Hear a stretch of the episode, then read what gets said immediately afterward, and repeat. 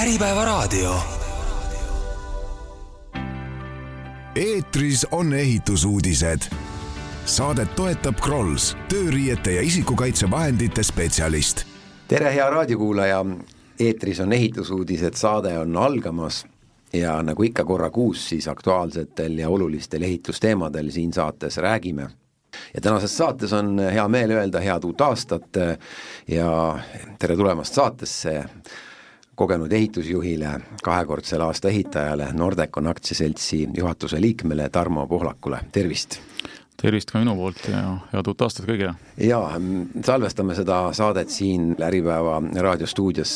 siis enne kolmekuningapäeva, mil veel head uut aastat soovimine on asjakohane. aga mina siis täna sel korral saatejuht Lauri Leet Tarmo, te viiendal juunil eelmine aasta liitusite Nordeconi juhatusega ja mis nüüd viimaseid uudiseid puudutab, siis aasta lõpus me kuulsime, et kõigepealt äh, on kohe lahkumas Nordeconi juht Gerd Müller ja aasta lõpus me ka kuulsime, et Nordecon siis müüs maha tütarettevõtte Nobe Nordecon Betooni. küsin nüüd üle, kui mõnda aega on juba elatud selle teadmisega, et Nordecon Betoon on eraldi edasi minemas, et kas kahju ei ole ikkagi? Ei ole kahju. Et ma arvan, see oli selline win-win olukord äh, tekkis, et, et äh, tagantjärgi äh, vaadates see, see asi oli õhus juba pikka aega ja nüüd lihtsalt jõuti, jõuti õiges, õigel ajal, õiges kohas, õiges numbris kokkuleppele ja, ja, ja ma arvan, see on, see on hea, hea mõlemale poolele, et Nobe saab jätkata oma juba, juba varasemalt alustatud oma identiteedi ja, ja, ja oma, oma teerajaga mis ammu juba ei ole ainult betoonitööd, vaid, vaid ka peatõvõtt. et pilt sai palju, palju selgemaks, sest tihti oli, oli see, et, et me olime, osalesime küll koos, küll lahus samadel hangetel näiteks ja ka väljapoolt maja ei saadud aru, et, et noh, et, et olete te siis koos või olete te siis lahus või mis te siis teete, eks ja teist otsa pidi noh, ma arvan, et see hinnanumber, milles kokkuleppele saadi, see on ka igati õiglane mõlema osapoole suhtes et meile, Nordeconile oli see selline äh, väga vajalik äh, rahaline süst ka likviidsuspuhvri näol. et mis on, mis on igati nii-öelda nagu, äh, igati nii-öelda nagu tuleb, tuleb meie põhitegevusele kasuks. et need likviidsusprobleemid, mida siin on viidatud Nordeconil aasta tagasi, need on, seis on läinud nüüd paremaks? me oleme jõudnud palju paremasse kohta, jah et see nobe müük muidugi on ainult üks osa sellest, et me oleme teinud väga palju tööd äh, teiste, teiste liinidega ka, eks, et mis puudutab siin siis olemasolevate tööde võimalikult, äh, võimalikult sellist kasumlikku äh, lõpetamist, kuna meil on meil on portfellis ju väga pikad lepingud, mis osad, osad on saanud pihta siin kõigist kriisidest, nii Covidist kui, kui Ukraina sõjast kui energiakriisist et neid nagu läbi vedada fikseeritud hinnaga on olnud ikkagi päris keeruline. ja noh, siin, seal, sinna on ka väga palju äh, likviidsusprobleeme olnud maetud. sellest me oleme ka nii-öelda läbi murdmas ja Nobe müük andis sinna ka oma panuse, nii et tegelikult me oleme, julgen öelda, päris, päris heas kohas ja vaatame päris julgelt äh, tulevikku. seda enam, et meil on äh, selle aasta, noh etteruttavalt selle aasta tööde portfellist meil on juba siin kaheksakümmend, üheksakümmend protsenti juba nagu täidetud kvaliteetselt, nii et, et me saame, me saame siin äh, jaheneva ja, ja, ja tiheneva konkurentsi tingimustes äh, targalt nüüd äh, uusi töid valida, mida, mis algaksid selle aasta teises pooles ja, ja, ja, ja langeks suuresti järgmisse ja ülejärgmisse aastasse. aga Nobega mingit riidu ega intriigi ei ole, et teete koostööd edasi? absoluutselt mitte, Nobega on meil betoonialased koos, betoonialast koostööd olnud ikka üksjagu eeskätt siin riigikaitseobjektidel viimasel ajal. Ja, ja see jätkub, see jätkub siin äh, lõunalinnakute objektil, see jätkub ka mujal, nii et selles mõttes äh, ei ole siin mingit, ei ole siin mingit intriigi ega tüli, kindlasti mitte. Hüva, nüüd kui te alustasite, siis ütlesite, et teie ülesanne Nordeconis ongi äh, nii-öelda leida ehitusturu võimalusi ja neid strateegiliselt ära kasutada. Äh, mida nüüd äh, alanud aastast ootate, mis need võimalused äh, on, mida saab ehitusturul ära kasutada üks, üks ehitusettevõte nii suur, nagu Nordecon seda on? võib sõnastada niimoodi, et, et, et iga kriis kätkeb endas ka võimalusi, aga, aga meil tegelikult ikkagi ehitusturul nii-öelda tervikuna ja kinnisvarasektoris tervikuna tegelikult on ikkagi nii-öelda nagu kla-, tsiteerides klassikuid, veri on tänavatel, noh. et, et ikkagi hangetel läheb järjest kitsamaks, et ma mõtlen, et osalejate hulk siin viimane, viimane hange, mis me just eile vaatasime, oli, oli seitseteist taotlejat pakkumisel näiteks, on ju, kõik võib-olla ei paku, eks, aga ütleme see, et meil on siin kümme pluss pakkujat juba pea igal hankel, äh, on juba tõelisus, see, et et jälle nii-öelda noh, töö saamise nimel võetakse, võetakse väga palju riske, pakutakse seal niisuguse nulli piiri peal, eks, või isegi alla selle, noh, kellel kus see omahind on, eks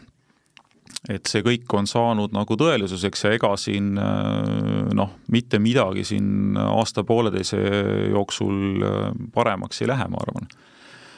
et selles mõttes see sunnib äh, noh, peatöövõtjaid ikkagi selgelt, selgelt otsa vaatama asjadele, et kuidas on võimalik võimalikult efektiivselt toimetada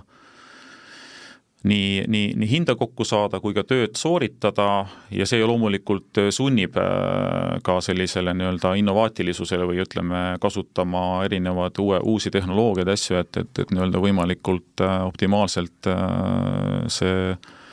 see, objekt seal siis sooritada, et, et ehitusäri on väga õhuke, et seda ma tuletan meelde, et siin väga paljud, väga paljud tellijad ei saa sellest aru, et, et ehitaja marginaal on tegelikult ainult seal mõni protsent, millega ta mängib et räägitakse riski jagamisest ja nii edasi.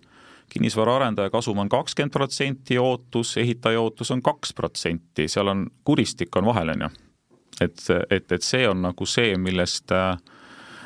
millest on ka tingitud see nii-öelda see, see, mis siin Ehitusettevõtjate Liit selle, selle nii-öelda ühiskirja tegi ja nii edasi, et tegelikult nagu noh, Äh, sellistest kitsastest tingimustest, nagu meil praegu on, et, et, et nagu on, on, on, on küllalt keeruline olla ehitusettevõtja, aga äh, me oleme karastunud, see ei ole meil esimene kriis ega ilmselt ka viimane, et äh, et ettevõtjad, ettevõtjatena ma arvan, me saame hakkama. mainitud siis kiri, mida ütlesite, ongi siis eelmise aasta lõpus Ehitusettevõtjate Liidu poolt kirjutatud, mille sisu siis ja mure oli põhiline see, et, et ehitajatele langeb järjest suurem risk arendaja, tellija kuidagi üritab seda ehitaja kaela, seda riski lükata, kuidas siis seda riski siis uuesti võrdsemaks teha, kuidas maandada ja mis siin see lahendus siis oleks, et ega ega ongi nii, et turul ju olukord muutub, et ühel hetkel on tellija kuningas, teisel hetkel on tööde teostaja rohkem kuningas ja, ja, ja nagu nii-öelda majandustsüklist lähtuvalt või, või kuidas? no natuke ta nii on, aga, aga ei ole ka, et, et äh, noh, ütleme, et äh, peatöövõtjad on Eesti turul olnud siin juba kõik need kolmkümmend pluss aastat, mis siin see moodne aeg on olnud, on olnud tegelikult äh, alati tiba liiga palju, ehk et, ehk et olenemata sellest turuolukorrast, kas see on kriis või on buum või on midagi vahepeal Ehm, alati on keegi, kes nii-öelda ikkagi pakub selle nii-öelda jutumärkides õige hinna äh, sellele, sellele lõppkliendile ja on nõus sellele äh, lepingule ka äh, alla kirjutama. Et sellist selgade kokkupanekut, nagu on siin Skandinaavia riikides, et, et lihtsalt tellija võib-olla ei saagi mingile konkursile ühtegi pakkumist, kui tal on liiga karm tähtaeg või liiga karm hinnaootus või, või lepingutingimused. Meil enamasti seda, see nii ei lähe, eks, ja see natukene ka tingib selle, et, et, et ikkagi, ikkagi ei olda, ei olda nii-öelda nagu valmis äh, minema see noh, lepingu äh, tingimustega seda teed, et see oleks rohkem selline, selline koostööleping või niisugune nagu win-win nagu leping ikkagi, et noh, ega minagi tihti mõnda suurt lepingut alla kirjutades pastakas käes või siis praegusel ajal arvutikuvari ees äh, nuppu vajutades mõtlen, et olen ma nüüd õnnetu või õnnelik sest tegelikult sa ei tea, noh, et see leping, kui sa loed selle jälle kaine pilguga läbi, tihti alla kirjutada ei tahaks. Sest seal ongi sees needsamad karmid tingimused, seesama kümme protsenti täitmistagatist, on ju, seesama karm tähtaeg, eks, needsamad karmid trahvid kõik mitu lehekülge kohustusi, eks, töövõtja poole peal kõik, ongi keeruline. ja kui sul on siis seal joone all on paistmas protsent või kaks kasumit, eks siis seda eksimisruumi no praktiliselt ei olegi. ja, ja, ja, ja noh, see ongi sellise nii-öelda turule töö, töid tegeva peatöövõtja igapäevane köögipool, et et äh, tellijad ütlevad, et paar aastat tagasi oli, oli jällegi olukord rohkem ehitaja kasuks, et siis sai ehitaja seal rohkem tingimusi äh, ise määrata lepingusse. nojah, aga kujutame ette paar aastat tagasi, kerime aja tagasi siis, paar aastat tagasi, okei okay,, sa said selle lepingu, eks, nii, aga siis selle möödunud kahe aasta jooksul ehitushind on kasvanud meil peaaegu nelikümmend protsenti. kasumiootus kaks protsenti, ehitushinna kasv kolmkümmend viis, nelikümmend protsenti, millest me räägime? tollel hetkel sa võisid olla õnnelik, eks on ju, või noh, tundus nagu mõistlik ja võib-olla kui oleks ka olnud normaalsed nii-öelda ei oleks Putin sõda alustanud, eks, olekski me võib-olla teises kohas, aga võib-olla oleks mingi teine pauk käinud kuskil, siis midagi muud oleks nagu juhtunud, sest midagi raudselt pidi juhtuma, sest eelmisest kriisist oli möödas juba rohkem kui kümme aastat, eks. ja, ja kui sa, ja kui sa võtad hoovi, ütleme sellise nii-öelda fikseeritud hinnaga lepingu, mis kestab sul kaks aastat rohkem siis sa mitte kunagi ei tea, kus sa tegelikult lõpetad. et, et sa teed kõike oma parimal moel, aga siis tuleb kuskilt, lendab sul hoovi mingi täiesti mingi noh, force majeure, eks.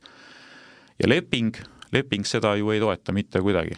isegi Ukraina sõja kohta öeldakse, et kuulge, te oleks pidanud seda sisuliselt, öeldakse meile läbi lille, et oleks pidanud seda ette nägema, on ju, noh. ja täna on ju tegelikult sama olukord täna ütleme, kui täna sõlmida, pakkuda hinda, sõlmida lepingut mingi, mille kestus on siin, ma ei tea, kaks-kolm aastat, kas keegi teab, ütleme, mis, millal Ukraina sõda lõpeb, punkt üks, ja mis mõju see avaldab? võib-olla järgneb samamoodi nelikümmend protsenti hinnatõus. Me ei tea seda mitte keegi, eks. aga meie hinda pakkudes, ehitusettevõtjad, peaksime justkui seda oma hinnas arvestama. mismoodi, ma küsin et äh, ma olen et, ammu rääkinud, et ma ei kadesta eelarvestajaid. See ei ole eelarvestamine, see on, ma olen ammu öelnud, et ehitus, ehitushind ei ole, see on üks ennustus, see ei ole eel, ütleme noh, see on ennustus. et, et Tarmo Roos ütles hästi, ma ei mäleta, siin stuudios vist, et tema, tema kristallgloobus näitab ette kuus kuud, on ju. mul on umbes sama, võib-olla, võib-olla vahel näitab aasta, eks aga rohkem ei näita ja, aga paraku lepingu sa pead tegema pikema aja peale. ehk et tegelikult äh, võiks olla äh, selline nii-öelda noh, räägitakse küll allianslepingust, räägitakse, siin esimesed hanked juba on, eks, proovitakse Eestis, räägitakse siht- ja piirhinnalepingust, eks, osades lepingutes on sees ka ehitushinnaindeks, mis meil oli ühes lepingus sees, nüüd on ta ka meil ühes lepingus sees, et noh, see nagu natuke reguleerib asja, eks et võiks olla, võiks olla selline pigem selline partnerlus, eks, sest kui üks maja ehitatakse, siis ütleme, et äh, ma olen ka mõnele tellijale on öelnud, et ütleme, et, et noh, et, et öeldakse, et meile riskide jagamisest räägitakse ja nii edasi. tellijale jääb see maja, on ju, tema, temale jääb see koolimaja või temale jääb see büroohoone, millega ta järgmised, ma ei tea, mitukümmend aastat teenib kasumit, on ju. meie lahkume sealt oma kahjumiga, eks. meil ei ole mitte kusagilt seda tasa teenida, eks et äh, seda paraku peaks see leping äh, arvestama veel selle teema lõpetuseks mm., on tellijad valmis neid uusi lepinguvorme ikkagi ka praegu sõlmima, täpselt allianslepinguid ja, ja, ja seal indek-, indekseerima, kas, kas see on kuidagi nagu saamas reaalsuseks, kas see olekski see partnerlus, mis, mis te viitate või, või on midagi nagu veel vaja või mida Telia siis nagu peaks veel tegema, et see partnerlus nagu tööle hakkaks või toimima hakkaks? ta natukene on, ütleme, ütleme niimoodi, et suures plaanis Äh, ma kartsin, et see juhtub ja see ongi juhtunud, et on, on, on, on maandunud see lugu ikkagi suuresti sealsamas fikseeritud hinnaga lepingute nii-öelda nagu äh, liivakastis, aga on teatud tellijad, on teatud projektid, kus on need elemendid olemas, mida, millele sa viitasid, eks, et, et on ehitushinnaindeksid mõnes üksikus lepingus. Katsetatakse mõnda allianslepingut siin äh, esimesi, nüüd üks sillaleping tehti, eks. Siin äh, Rail Balticu raames vist on ka midagi tulemas, aga need on sellised, see on selline väga, väga niisugustes põlvpükstes nagu teema veel, eks ja ka seda siht- ja piirhinnalepingut ja projektijuhtimislepingut noh, erinevatel tingimustel, see kajab nagu läbi äh,, mingid asjad nagu on, aga see ei, ei, ei ole valdav äh, nagu osa siin turust, et enamasti on ikkagi fikseeritud hind, sellega on väga lihtne. Noh, see on ka ehitaja poolt muidugi lihtne, sest ega see selline siht- ja piirhinnaleping, äh, selle, selle nii-öelda see niisugune ideoloogia on hoopis teine, eks, et ja see nõuab ka tellija poolt suuremat meeskonda, asjatundlikkust, panustamist igapäevaselt, eks. aga minu kogemus ütleb, et olles teinud äh, siin eelmistes eludes nii mõnegi suure lepingu maja, ütleme siin äh, siht- ja piirhinna meetodil, et, et see toimib väga hästi. eriti, kui tellija mõtted muutuvad või ta, või ta peab hakkama kuskilt väga toorest punktist liikuma. et tal on ainult eskiisprojekt, tal on prognoosi eelarve, ajasurve on peal, tahaks liikuma hakata, aga ehitustenderit teha pole võimalik, eks, et siis valid teistel tingimustel välja, usaldad partnereid ja liigud. Ja, ja lõpptulemusena tõmbad joone lõpus alla, ütleme, ma arvan, et see tulemus on igas mõttes, nii rahalises kui, kui, kui tehnilises mõttes väga hea, eks. hästi, äh, uus teema, äh, natuke võib-olla üldisem, miks ehituses on raske olukord, on see, mis on äh,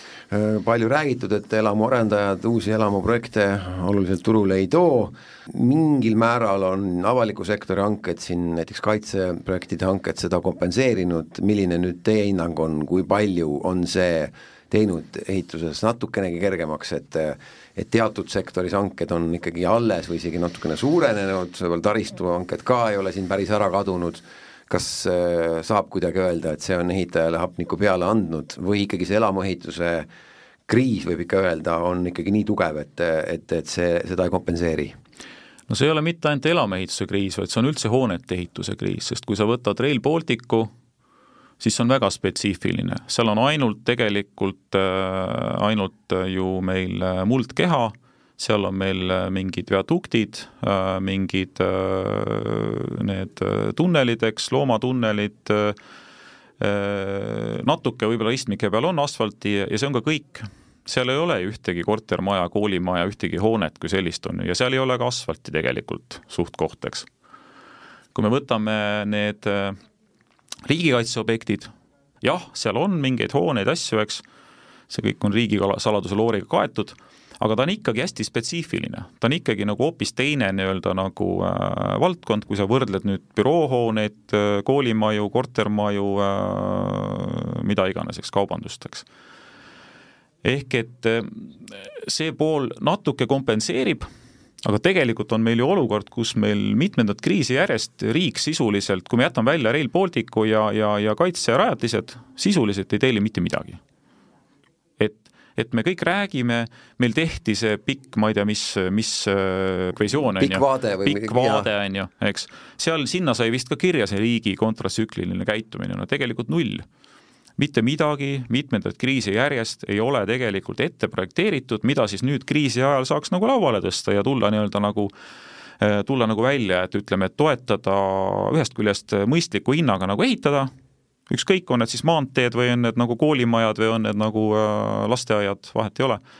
Äh, et mõistliku hinnaga ehitada ja teise, teise, teise, teist otsa pidi toetada majandust, eks. et, et, et sa nagu ikkagi annad, annad ettevõtjatele tööd, seeläbi saavad inimesed tööd, see, seeläbi saadakse makse riigikassasse ja nii edasi, eks.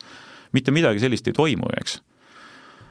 eratellijad äh, on vastupidi, noh, ütleme, et jah, nad on turul olemas, nad on projekteerinud ette asju, päris palju hankeid on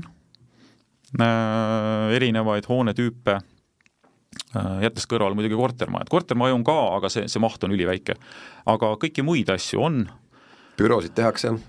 ühesõnaga nagu no tehakse, meil õnnestus siin äh, Golden Gate'i leping näiteks sõlmida ja nii edasi, aga need on tegelikult üksikud asjad, sest tegelikult probleem on ju selles, et üritatakse seda Excelit ju kokku, äh, kokku nagu saada, sest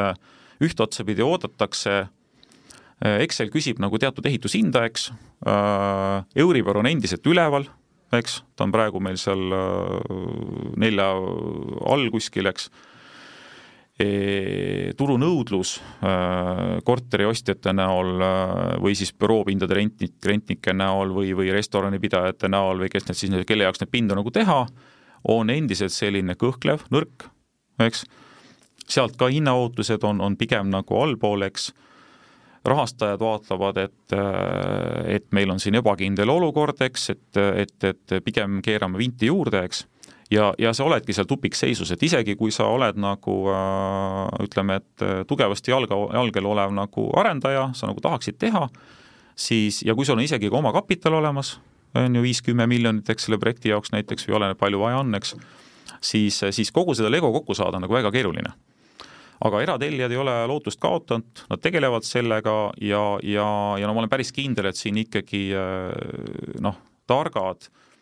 targad tellijad, kes on ka eelmisi kriise näinud, saavad aru, et käesolev aasta ja järgmine aasta on ehitamiseks tegelikult väga hea, väga head aastad, sest tegelikult ehitushind, ma arvan, et ta, ta on stabiilne, suures plaanis kokkuvõtvalt ta, ma ei usu, et ta nagu alla tuleb, võib-olla siin mõnest protsendist räägime, ta on stabiilselt selle koha peal,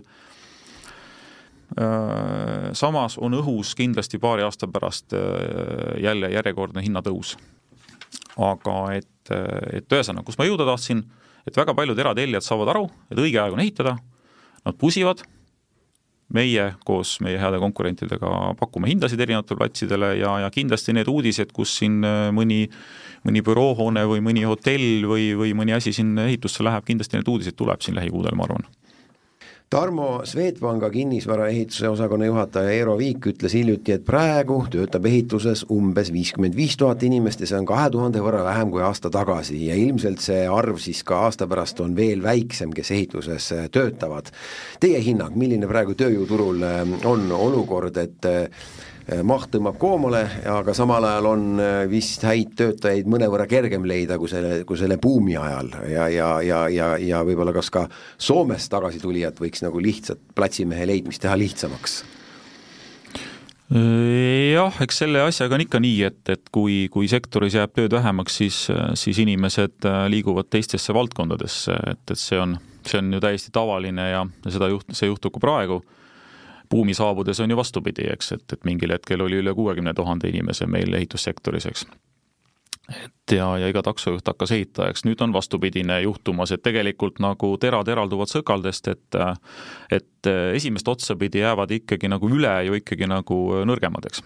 et sosssepad nii-öelda jäävad kõigepealt nii-öelda kukuvad pingi otsa pealt maha ja headel, headel meistrimeestel on ikka tööd, eks. et äh, on nad siis siinpool lahte või sealpool lahte. Äh, et äh, mis puudutab nagu Soome poolt, siis äh, noh, kindlasti vaadatakse, ütleme, et Soome-Rootsi on ju väga sügavas kriisis kinnisvara mõttes, eks, võib-olla isegi kohati sügavamas kui meie aga noh, need, kes seal tööl on, nad on väga seal kodunenud, nad on sisuliselt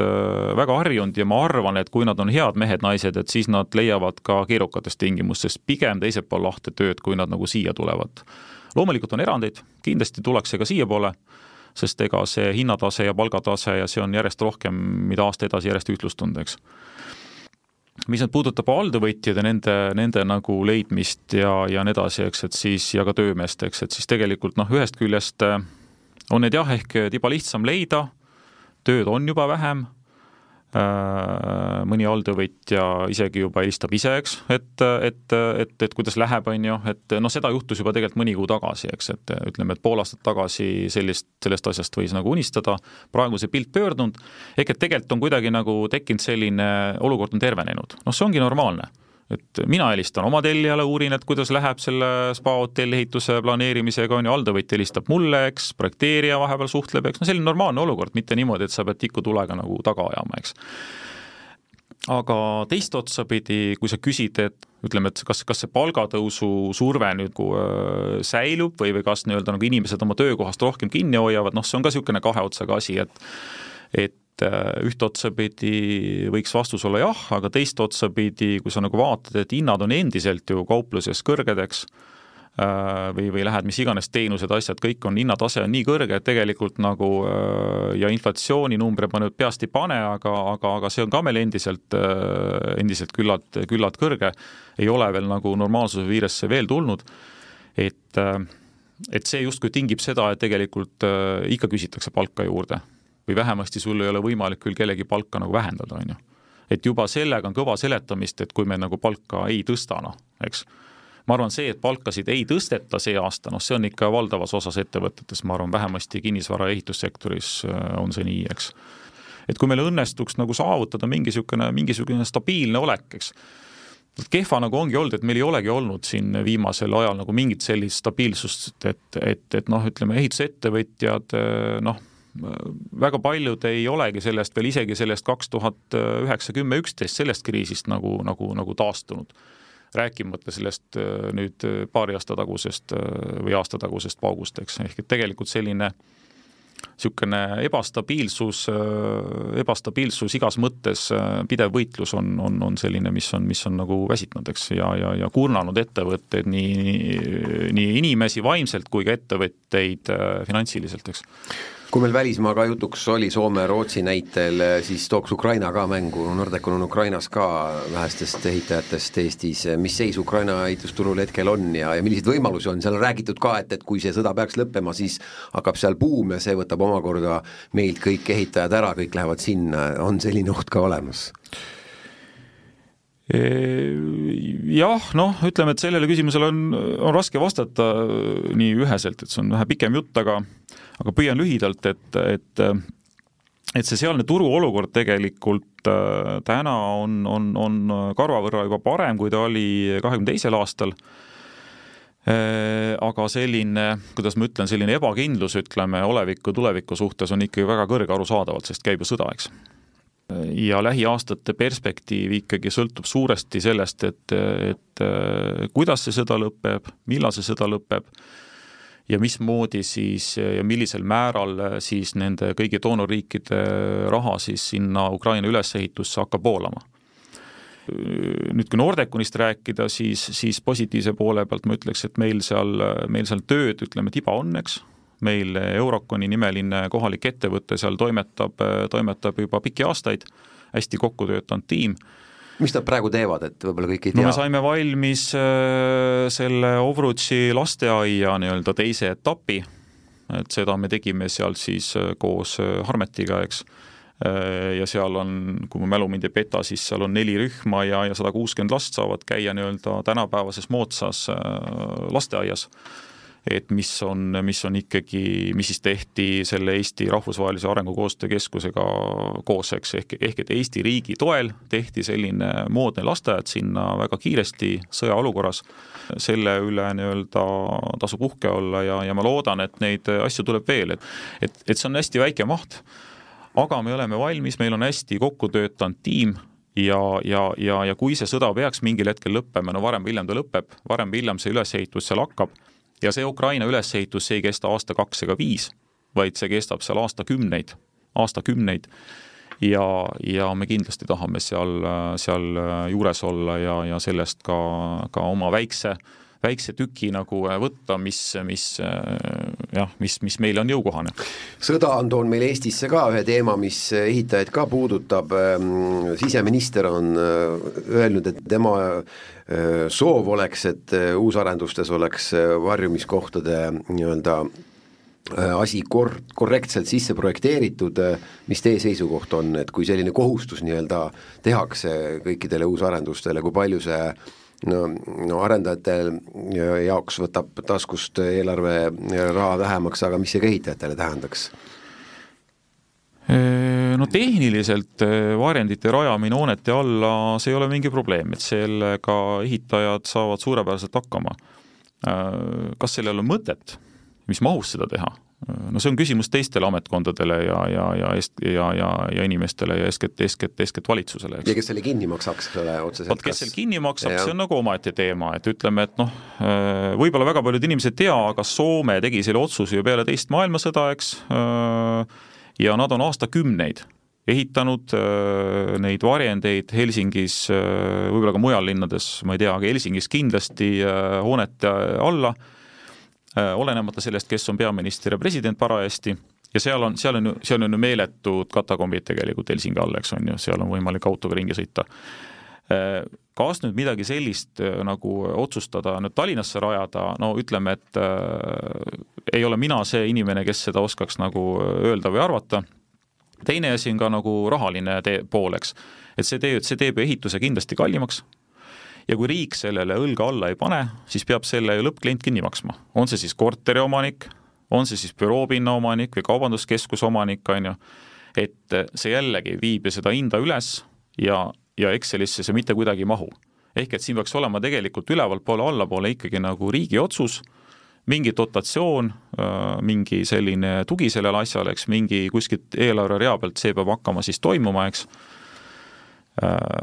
tehtav on aga ma arvan, siin on vaja kõigepealt need suured otsused ära teha. Ja kas varjendeid teha, teha killuvarjendeid, eks, sinnasamasse lasteaeda Aurutsis me ju tegime varjendi alla näiteks. Et, et väga lühidalt ja lihtsalt öeldes, kui palju see tähendab teistsugust projekteerimist, alates ventilatsioonist kuni, kuni ma ei tea, seinte tugevuse ja paksuseni välja? Seal on teatud nõuded jah, et, et kui ta peab ikkagi mingi, mingi raketi otsetabamuse vastu võtma, eks seda rehkendatakse, ega ma ka nii täpselt kursis ei ole, aga, aga seal on omad rehkendused, see hakkab pihta, seal osad on ju killuvarjendid, eks, mis on sellised nii-öelda, et kui sul kukub kuskile kaugemale ja siis ta nagu, eks, otsetabamust vastu ei võta, ja siis rehkendatakse vastavalt siis seda betooni paksust ja armeeringut ja, ja kõike, kõike siis vastavalt, kui suure tabamuse ta siis peab, peab vastu võtma, eks. kuskil on see mõistlikkuse piir, eks kui seal maa all, ütleme, juba on see mingi, ütleme näiteks maa-alune parkla sinna planeeritud, siis võib-olla see ei tähendagi väga palju äh, nii-öelda äh, hinna kallinemist, kui sa pead lihtsalt betooni tegema, betoon tinglikult nagu natuke paksema, võib-olla mingid lisapostid kuskile, eks, aga kui seda nulltsüklit üldse ei ole, et siis on nagu ju, meil ju kortermajade all ju tüüpselt ju keldrit ei ole, eks et kui sa pead selle nulltsükli sinna jõuga tegema, no siis on puhtalt ju pluss kõike sellele äh, ehituseelarvele ja ja siis ta ei lähe mitte paar protsenti kallimaks, vaid ikka, no ikka oluliselt rohkem. oluliselt rohkem jah, jah, jah, ja, oleneb jälle, kui suure sa teed ja nii edasi, eks, et, et jah räägime äh, ühest uudisest veel, mis Nordeconi viimase aja tegemisi puudutab, ma saate alguses mainisin ehitusettevõtte juhi lahkumist ja maha müüdud tütarettevõtet, aga tegelikult detsembris sõlmiti kauaoodatud leping, et Nordeconi Riigi Kinnisvara Aktsiaselts allkirjastasid siis Eesti suurima puithoone ehitustööde lepingu Loodusmaja. Nime all, hakatakse seda siis rajama see on tähelepanuväärne vähemalt kahel põhjusel, esiteks on maht väga suur, viiskümmend neli koma kolm miljonit, ja teiseks siis Eesti suurim puithoone, nagu öeldud, mis ongi kindlasti arhitektuurselt, aga ka tehniliselt ähm, piisavalt keerukas. ehitustööd algavad, ma saan aru, juba nüüd kohe jaanuaris? Jah, äh, kui ma ei eksi, siis eile me võtsime platsi juba RKS-ilt üle ja, ja hakkame aeda ümber panema ja, ja, ja hakkame seal kaevetöödega kohe-kohe juba pihta kuidas see konkurss õnnestus võita kõigepealt? kuidas see konkurss õnnestus võita? no ütleme, et tegu oli, tegu oli tavapärase riigihankega, et ega siin midagi nagu, küll jah, ta oli selles mõttes natukene, natukene eripärane, et seal lisaks hinnale hind oli kaheksakümmend viis protsenti ja viisteist protsenti olid seal muud muud faktorid, mida ka, aga minu info kohaselt, minu info kohaselt siiski te tegite kõige odavama pakkumise? jah, seal oli niimoodi, et see kipub olema nii, et kui on ka need mingid väärtuspõhised mingid punktid, et siis tavaliselt suured ettevõtted kõik ikkagi suudavad need noh, hindele viis ikkagi nagu täita, eks, noh. Ja siis lõpptulemusena otsustab ikkagi tegelikult hind, et nii oli ka selle hanke puhul, et, et kokku oli tegelikult peale meie oli veel viis pakkujat, et tegelikult nagu arvestades hanke suurust, on see tegelikult ikkagi selline väga tihe konkurents, eks ja, ja, ja, ja hinnad olid ikkagi suht-koht ühes augus, et äh, mis tegi asja keerukaks, oli see, et tegelikult see hankeperiood oli, me lõpuks vaatasime tegelikult hanke väljakuulutamisest kuni lepinguni oli rohkem kui aasta. ehk et me tegelikult selle hange kuulutati välja detsembris, üle-eelmine aasta, pakkumise tegime aprillis eelmine aasta, eks, lepinguni jõudsime siis äh, alles detsembris, eks, ehk et seda, seda nii-öelda noh, ja tegu on jälle fikseeritud hinnaga pakkumisega, eks. just, just, seesama äh, saate alguses mainitud, et kaks ja pool aastat on planeeritud äh, ehitus, fikseeritud hind, kuidas te julgete öelda, et viiskümmend neli koma kolm miljonit on see raha, mille eest saab selle valmis ehitada, äkki no ikkagi võt, ei saa? no vot, no vot, äkki ei saagi, on ju, et, et täpselt sedasama lugu ongi muidugi naljaga pooleks hea on see, et meil ei ole tegelikult kaks ja pool aastat ehitusaega, noh. et meil on tegelikult palju vähem, see kaks ja pool aastat on koos kasutusloaga. ehk et, ehk et see on üks sellistest lepingutest, mida alla kirjutades ma kratsisin kukalt ja mõtlesin, et kas ma ikka nagu tahan alla kirjutada, noh. et tegelikult meil on ehitusaega nõksa üle kahe aasta ainult, eks. meil räägitakse loodusmajast, tegelikult on see kvartal seal on äh, ühine äh, raudbetoonist nulltsükkel on all, eks, mere ääres otse, on ju, ja siis seal peal on tegelikult, maa peal on siis kolm, kolme hoonete mahtu, eks, äh, on seal, on seal meil, ma nüüd peast panen, aga seal on see Ellingu hoone või dokihooneks nad nimetavad teda, eks. et et äh, mis siis, mis siis on selle inspireerituna siis sellest nii-öelda sealt naabrusest lammutatud Ellingu hoonega, mis on selline siis laevaehituse nii-öelda selline hoone, eks. see on niisugune viiekordne,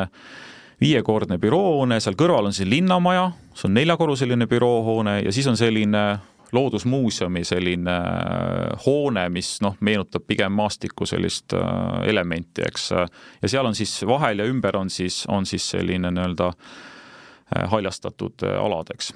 Et tegu on sellise ikkagi pigem ma ütleks kvartaliga, mis koosneb kolmest hoonest ja ühisest nulltsüklist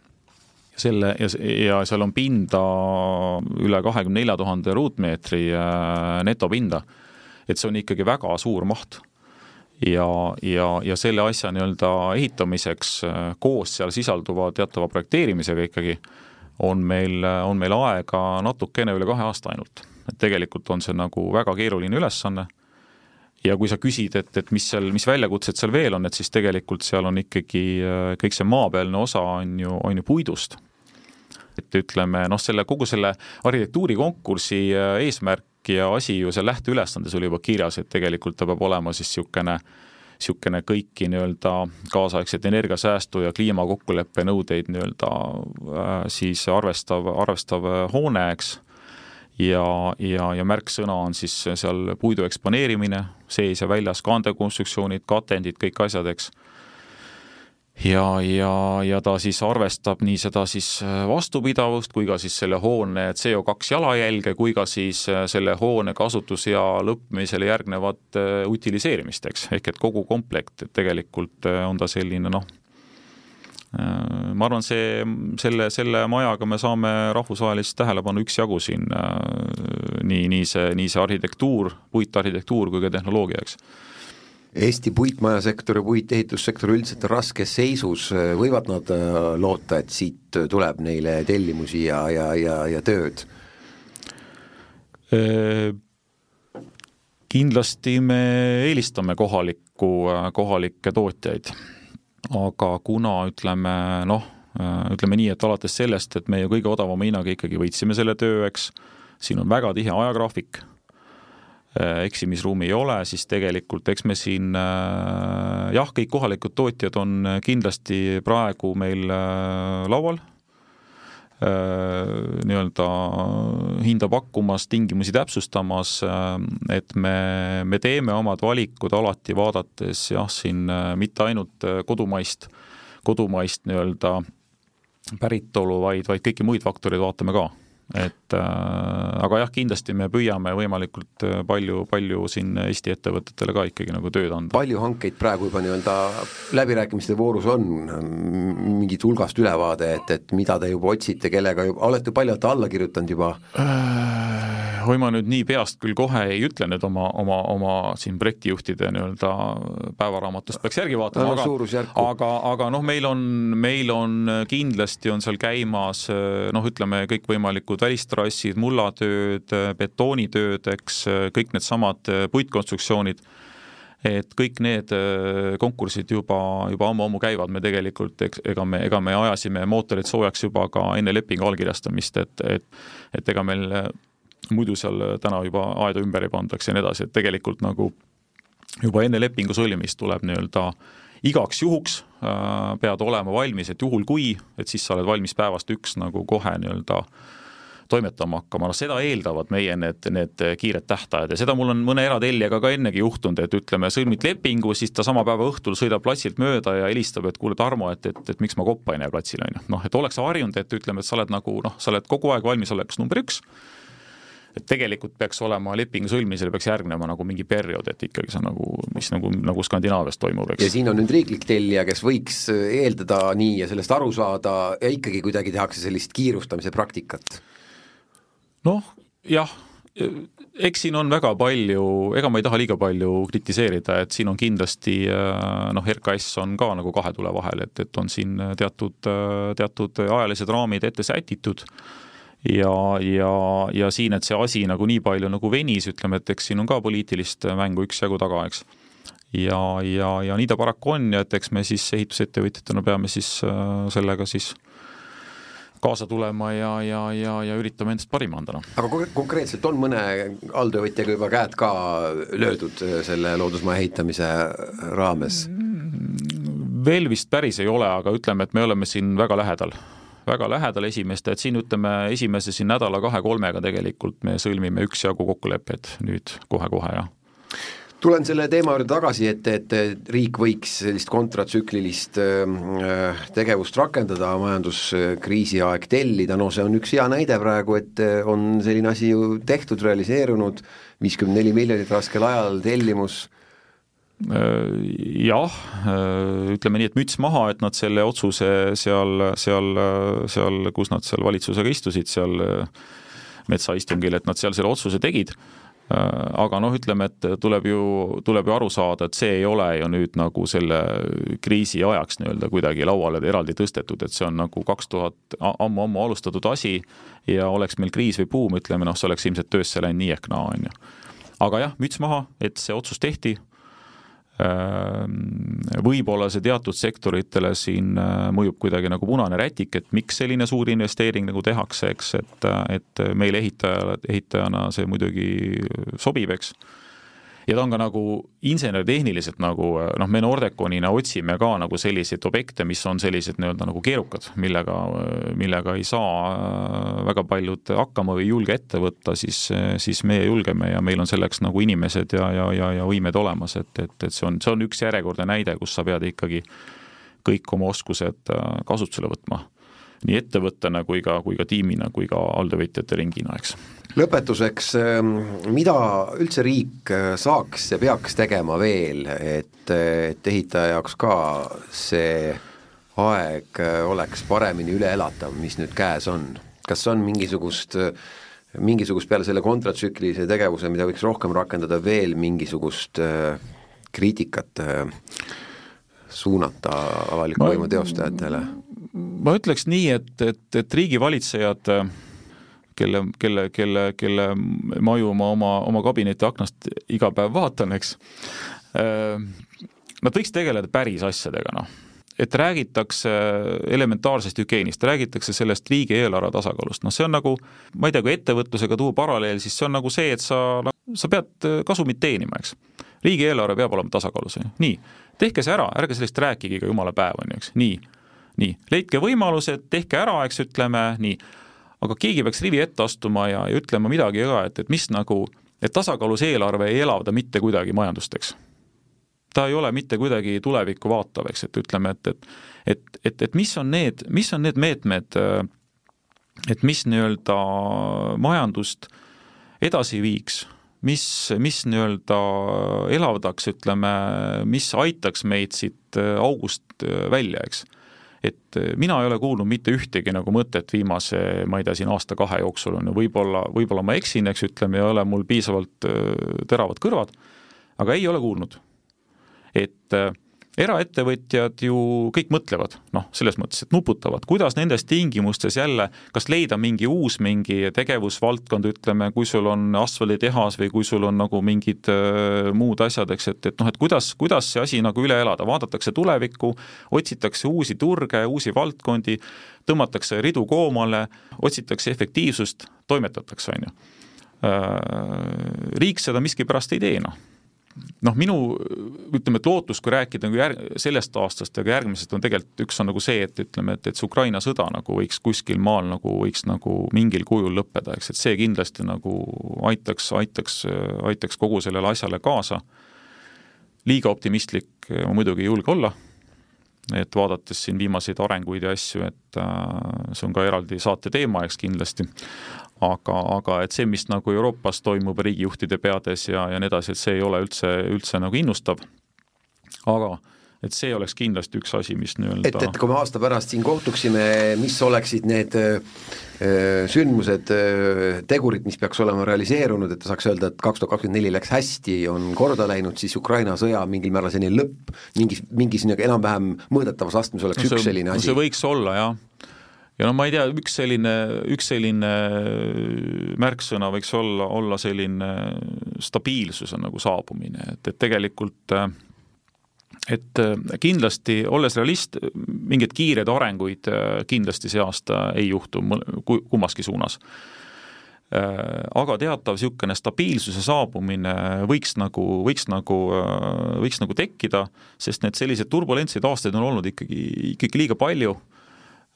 selline niisugune nagu kobarkriis on meil olnud siin tegelikult ju, ju juba, juba, juba ikkagi pikki aastaid ja, ja, ja inimesed on väsinud, ettevõtjad on väsinud, niisugune kurnatusaste on suur, eks. Seda näitab ka näiteks meil siin, et väga paljud on haiged lihtsalt siin talvel praegu, on ju, see näitab seda stressitaset tegelikult minu meelest. ja kuskil oleks vaja nagu kand maha saada, eks. Äh, ja siis hakkaks nagu mingi, mingi, mingi paranemine ja, ja, ja noh, üks asi, mille, mille väiksed märgid õhus on, et on, on nagu Euribor, et kui Euribor ikkagi nüüd juba teatud majandusringkonnad on omavahel üksmeelele jõudnud, et Euribor hakkab alla tulema, eks räägitakse siin juba, juba siin, et aasta pärast võiks olla kahe poole protsendi peal, eks. noh, kui see juhtub, siis et kui raha hind jääb sinna kahe poole, kolme protsendi kanti, ma arvan, see on väga okei tase. Ja selle pealt, see mahub juba Excelisse, eks see rahustab maha ka ütleme, annab teatud stabiilsusega nii-öelda nagu era, erakliendile, eks, kes oskab asju rehkendada, ta julgeb juba jälle korterit äh, osta, eks, ja nii edasi. Äh, ettevõtjate laenukoormus tuleb, tuleb alla, eks, äh, mõistlikkuse tasemele. ja, ja, ja noh, kui pangad ka ikkagi oma, oma tingimusi ikkagi nagu tiba nagu leevendavad, eks, või vähemasti enam ei karmista, eks, et siis, siis see ka kindlasti aitaks kaasa, nii et noh, teatav selline igast nurgast natukene ja niisugune stabiil, stabiilne olukord, eks. et see võib-olla oleks niisugune, et kui me nagu selle aastaga suudaks nagu selle, selle nagu saavutada. siis saaks öelda, et aasta on enam-vähem korda läinud ja,? jah, jah, ma arvan küll. ja kas nüüd siis mingi tõus järgmine aasta hakkab, noh, ma nii-öelda